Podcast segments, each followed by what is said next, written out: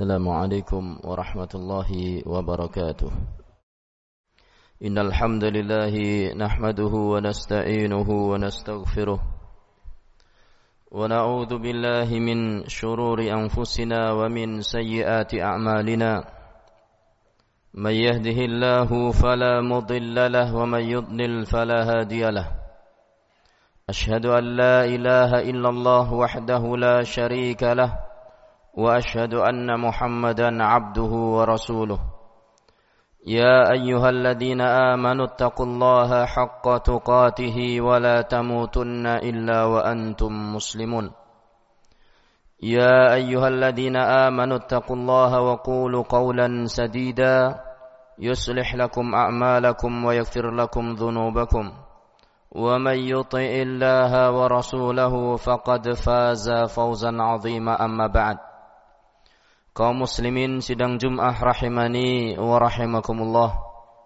Segala puji bagi Allah Subhanahu wa taala yang masih berkenan memberikan taufiknya, hidayahnya kepada kita sehingga kita pada detik ini masih memeluk agama yang diridhoi oleh Allah Subhanahu wa taala yaitu agama Islam. Dan segala puji bagi Allah Subhanahu wa taala yang telah memberikan nikmatnya yang agung sehingga kita mengenal sunnah ajaran Nabi Muhammad sallallahu alaihi wasallam. Di antara kaum muslimin mereka ada yang tidak mengenal Nabi Muhammad sallallahu alaihi wasallam dengan baik dan benar.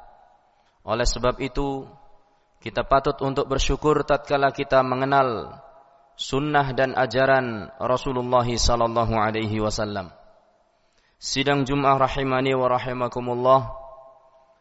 Orang-orang musyrikun di zaman dahulu Mereka terbiasa menyembah sesembahan-sesembahan selain Allah. Di antara mereka ada yang menyembah matahari. Ada pula yang menyembah bulan.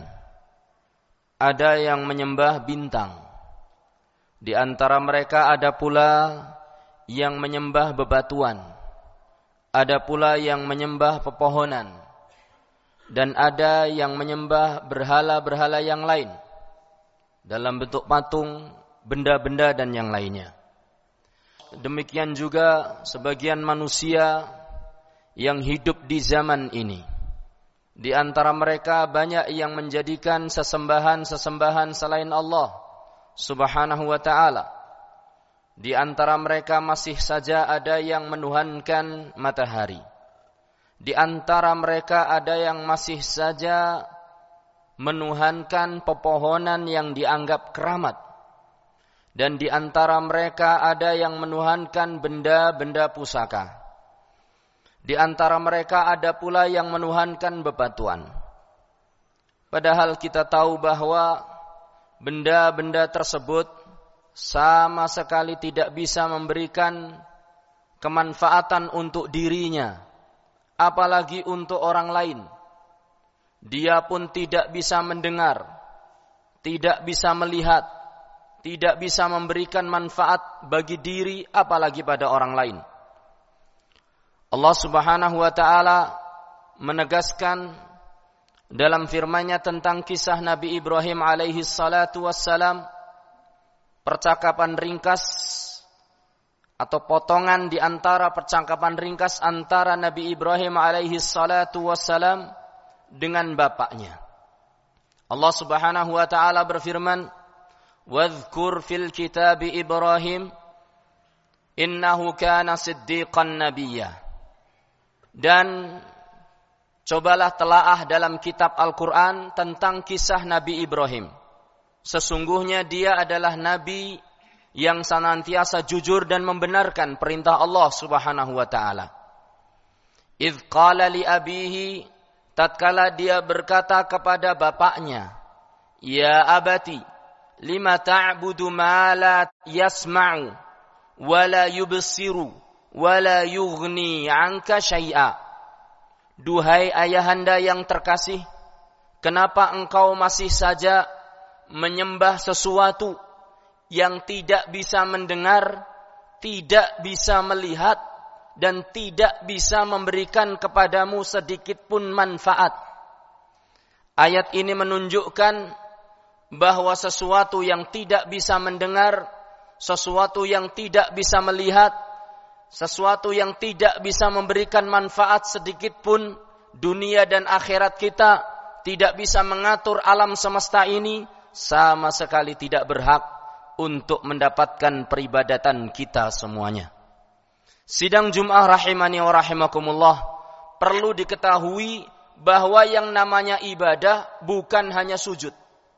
Jadi ketika seseorang atau kita mengatakan janganlah kalian menyembah berhala, janganlah kalian menyembah sesembahan-sesembahan selain Allah, bukan berarti hanya melarang dari sujud saja.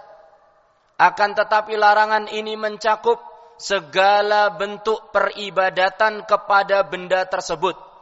Entah itu rasa takut yang seharusnya hanya ditujukan kepada Allah, tapi ternyata kita menunjukkannya mengarahkannya kepada benda yang tidak layak untuk kita takuti. Atau mungkin pengharapan yang seharusnya kita tujukan hanya kepada Allah Subhanahu wa taala, tapi ternyata kita berharap kepada benda yang tidak bisa mengatur alam semesta, kepada makhluk yang tidak bisa mengatur alam semesta. Maka pengharapan ini adalah bentuk peribadatan kepada selain Allah. Ketika kita menyembelih hewan yang orang katakan nazar. Seandainya aku berhasil untuk mendapatkan hajatku, maka aku akan bernazar, aku akan menyembelih sesembelian yang akan aku persembahkan kepada sing bau rekso, pohon keramat tersebut. Saya akan persembahkan kepada penunggu pohon keramat tersebut. Maka sembelian yang semacam ini adalah bentuk peribadatan kepada pohon tersebut. Maka jangan diartikan bahwa larangan untuk beribadah kepada selain Allah hanya bersujud saja. Hanya larangan dari bersujud saja. Sehingga sebagian orang akan mengatakan saya tidak pernah nyembah dia. Nyatanya saya tidak pernah bersujud kepadanya. Maka kita katakan bahwa peribadatan itu bukan hanya sekedar sujud. Tapi Anda, kita memberikan sesajian kepada satu barang yang kita anggap keramat. Kita meyakini bahwasanya barang tersebut bisa mendatangkan rizki. Dengan kita memakainya, dia akan bisa menjadikan kita kuat sakti mandraguna. Maka ini adalah bentuk peribadatan kepada selain Allah subhanahu wa ta'ala. Ketahuilah benda-benda tersebut tidak akan bisa memberikan kepada kita manfaat sedikit pun. Bagaimana dia akan bisa memberikan manfaat kepada kita? Wong, dia saja tidak bisa memberikan manfaat kepada dirinya sendiri. Maka tinggalkanlah peribadatan kepada selain Allah dan tujukanlah ibadah semata-mata hanya kepada Allah Subhanahu wa taala. Aku hadzal qaul astaghfirullah li wa lakum wa lisairil muslimina min kulli dhanbin innahu huwal ghafurur rahim. Alhamdulillahi wassalatu wassalamu ala Rasulillah wa ala alihi wa sahbihi wa man tabi'ahum bi ihsan ila yaumil qiyamati wa ba'd. Sahabat yang mulia Amr ibn al-Jamuh radhiyallahu taala anhu yang meninggal mati syahid di perang Uhud. Mengikuti perang dalam kondisi kaki terpincang-pincang. Akhirnya Allah Subhanahu wa taala menganugerahkan syahadah, mati syahid. Bahkan salah satu kemuliaan yang diberikan oleh Allah Subhanahu wa taala kepadanya, kuburannya tersingkap setelah 46 tahun kemudian di zaman Muawiyah radhiyallahu taala anhu. Karena ada banjir yang menggenangi daerah Uhud. Maka kuburannya tersingkap dan tampak tubuhnya masih utuh seperti baru meninggal kemarin saja. Ini adalah sebuah kemuliaan yang diberikan kepada sahabat yang mulia Amr ibnul Jamuh radhiyallahu taala anhu. Tahu, tahukah Anda siapakah Amr ibnul Jamuh? Dulu dia seorang yang musyrik. Dulu dia adalah penyembah berhala. Dia adalah seorang pembesar di kota Madinah sebelum datangnya Rasulullah sallallahu alaihi wasallam. Dia pun sempat bertemu dengan utusan Nabi Muhammad sallallahu alaihi wasallam, sahabat mulia Mus'ab ibn Umair yang mengajaknya untuk masuk ke dalam Islam, akan tetapi dia malu untuk menerima ajakan Islam. Hatinya menerima, akan tapi dia malu untuk menyatakan keislamannya. Alhamdulillah, putra-putra Amr bin Al-Jamuh dan juga istrinya sudah menyatakan keislaman. Mereka berusaha bagaimana bapaknya Amr ibnul Jamuh untuk masuk ke dalam agama Islam. Amr ibnul Jamuh sebagaimana selayaknya seorang pembesar di kota Madinah yang saat itu tersebar agama kesyirikan. Dia memiliki berhala khusus yang tidak diibadahi oleh orang lain. Ada berhala-berhala di tempat peribadatan umum. Akan tetapi seorang pembesar dia memiliki ibadah, memiliki berhala khusus. Berhala ini dinamakan oleh Amr ibnul Jamu sebagai manaf. Dia senantiasa menghormati manaf. Dia sangat mencintai manaf. Ada hajat minta kepada manaf. Ada apa-apa pamit kepada manaf. Sampai suatu hari, putra-putranya, di antaranya adalah Mu'ad ibn Amr ibnul Jamuh, dan juga sahabat kentalnya yaitu Mu'ad ibn Jabal para pemuda yang mendahului Amr ibnul Jamuh masuk ke dalam Islam. Mereka berpikir bagaimana mendakwai Amr ibnul Jamuh supaya masuk ke dalam agama Islam. Akhirnya mereka berpikir untuk membuat sebuah tipu daya. Tatkala Amr ibnul Jamuh tidur di malam hari, datang mereka diam-diam dan mengambil berhala tersebut. Diambilnya berhala tersebut dan diangkat kemudian dibuang di sebuah pembuangan yang biasa digunakan untuk membuang sampah dan kotoran-kotoran oleh penduduk Madinah. Belepotanlah berhala itu dengan kotoran-kotoran dan sampah-sampah yang lainnya. Bangun Amr ibnul Jamuh. Didapatkan berhalanya tidak ada di tempatnya. Aina manaf? Di manakah manaf? Di manakah Tuhanku? Katanya. Maka dia pun keliling di rumahnya. Tidak ditemukan. Dia pun keluar mencari Tuhannya. Ya ini manaf. Maka didapatkannya manaf sudah berlepotan dengan sampah dan kotoran-kotoran yang dibuat oleh manusia. Sungguh celaka siapa yang berani mengganggu Tuhanku. Kalau sampai ketahuan akan aku bunuh dia. Diambillah berhala tersebut oleh Amr ibn Jamuh. Dimandikan. Kasih minyak wangi. Kasih perhiasan. Kemudian dia bersujud lagi kepada Manaf. Dia sampaikan hajatnya kepada Manaf. Dia sampaikan cerita-cerita kepada Manaf. Mencintai luar biasa. Malam yang kedua. Tatkala Amr ibnul Jamuh tidur. Kembali Mu'ad. Ibn Amr ibnul Jamuh. Putra sang Amr. Datang bersama temannya Mu'ad ibn Jabal. Mengangkat berhala tersebut untuk kedua kalinya. Dibawanya. Kemudian di luar. Dibuang di luar di tempat yang sama ketika mereka membuang di malam hari yang pertama. Maka Amar kembali bingung. Dicarinya berhalanya. Ditemukannya di tempat yang sama ketika berhala itu hilang di hari yang pertama. Maka Amr ibn Jamuh pun marah. Dia mengatakan dan mengangkat berhala. Duhai manaf, siapa yang berani mengganggumu? Maka dimandikanlah berhala tersebut.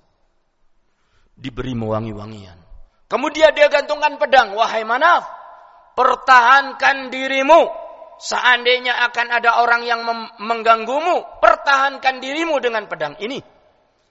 Maka kembali Amr ibnul Jamuh tidur. Kemudian datanglah Mu'ad bin Jabal. Dan juga Mu'ad ibn Amr ibnul Jamuh. Mengangkat berhala tadi. Dibuang di tempat yang sama. Bahkan diikat dengan bangkai seekor anjing. Kemudian ditinggalkan. Pagi harinya, Amr ibnu Jamu kembali bingung. Mendapatkan berhalanya hilang dari tempatnya. Dia cari ke mana-mana. Ternyata dia dapatkan berhalanya yang sangat dia cintai. Terikat dengan bangkai seekor kambing. Dan bangkai seekor anjing. Sama sekali tidak bisa membela diri. Itulah berhala. Itulah sesembahan selain Allah tidak bisa memberikan manfaat untuk dirinya. Maka bagaimana seorang yang mengaku dirinya Islam masih memakai jimat? Masih membuat raja-raja. Masih memberikan sesajian kepada yang mau membawa reksa, kepada orang yang dianggap menguasai jin, yang dianggap menguasai tempat-tempat yang keramat. Bagaimana dia masih percaya kepada batu akik bahwasanya batu ini bisa mendatangkan rizki, bahwasanya batu ini akan mendatangkan kesaktian mandraguna, bahwasanya senjata ini akan menjadikan dia demikian dan demikian. Hakikatnya segala sesuatu yang mereka agung-agungkan tidak beda sama sekali dengan berhalanya Amr ibnul Jamuh yang bernama Manaf. Kemudian dia sadar, ditinggalkanlah Manaf dan dia pun masuk ke dalam agama Islam. Dan akhir kisahnya dia pun menjadi seorang syuhada yang meninggal di jalan Allah Subhanahu wa taala. Maka tinggalkanlah kesyirikan dan beribadalah semata-mata kepada Allah Subhanahu wa taala. إن الله وملائكته يصلون على النبي. يا أيها الذين آمنوا صلوا عليه وسلموا تسليما. الحمد لله رب العالمين. اللهم صل اللهم صل على محمد وعلى آل محمد كما صليت على إبراهيم وعلى آل إبراهيم إنك حميد مجيد. اللهم اغفر للمسلمين والمسلمات والمؤمنين والمؤمنات الأحياء منهم والأموات. إنك سميع قريب مجيب الدعوات. يا قاضي الحاجات. اللهم اغفر لإخواننا الذين سبقونا بالإيمان ولا تجعل في قلوبنا غلا للذين آمنوا ربنا إنك رؤوف رحيم. ربنا لا تزغ قلوبنا بعد إذ هديتنا وهب لنا من لدنك رحمة إنك أنت الوهاب. ربنا آتنا في الدنيا حسنة وفي الآخرة حسنة وقنا عذاب النار. وصلى الله على نبينا محمد والحمد لله رب العالمين.